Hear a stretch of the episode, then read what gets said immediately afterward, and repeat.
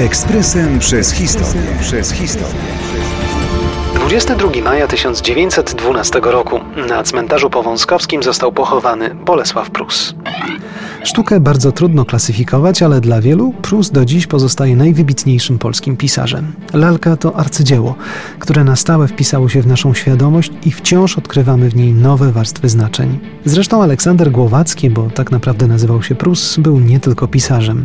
Był również publicystą, myślicielem, popularyzatorem nauki. Wielka szkoda, że nie doczekał niepodległości swojej ojczyzny, którą tak ukochał i dla której zrobił tak wiele w trakcie życia. Ostatnie lata Prusa dowodzą, że jeszcze za życia był człowiekiem i niezwykle poważanym.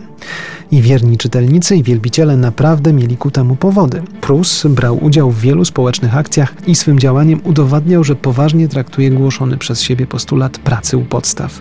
Współpracował z Towarzystwem Dobroczynności, które wspierało sieroty. Wspierał także walkę z wszechobecnym wśród uboższych grup społeczeństwa analfabetyzmem. Jego pogrzeb 22 maja 1912 roku stał się pretekstem do wielkiej manifestacji patriotycznej. Tygodnik Świat donosił.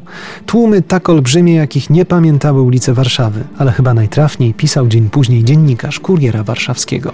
Kiedyś po długim lat szeregu, kiedy kroniki współczesne czas kurzem pokryje, a będą one dostępne tylko dla literackich szperaczy, starzy opowiadać będą młodym o dniu wczorajszym, przez Warszawę przeżytym, bo są fakty, które żywe pozostają do zgonu w pamięci tych, którzy oglądali je własnymi oczami a przy tym opowiadaniu lica starych uśmiech błogi opromieni, bo przeżywać będą drogie wspomnienia. Wspomnienie dnia, w którym naród złożył hołd swojemu mistrzowi, nauczycielowi, dnia, w którym naród raz jeszcze dowiódł, jak umie czcić swoich przewodników, jak umie być wdzięcznym.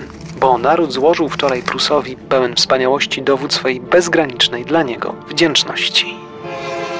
Ekspresem przez historię. Przez historię.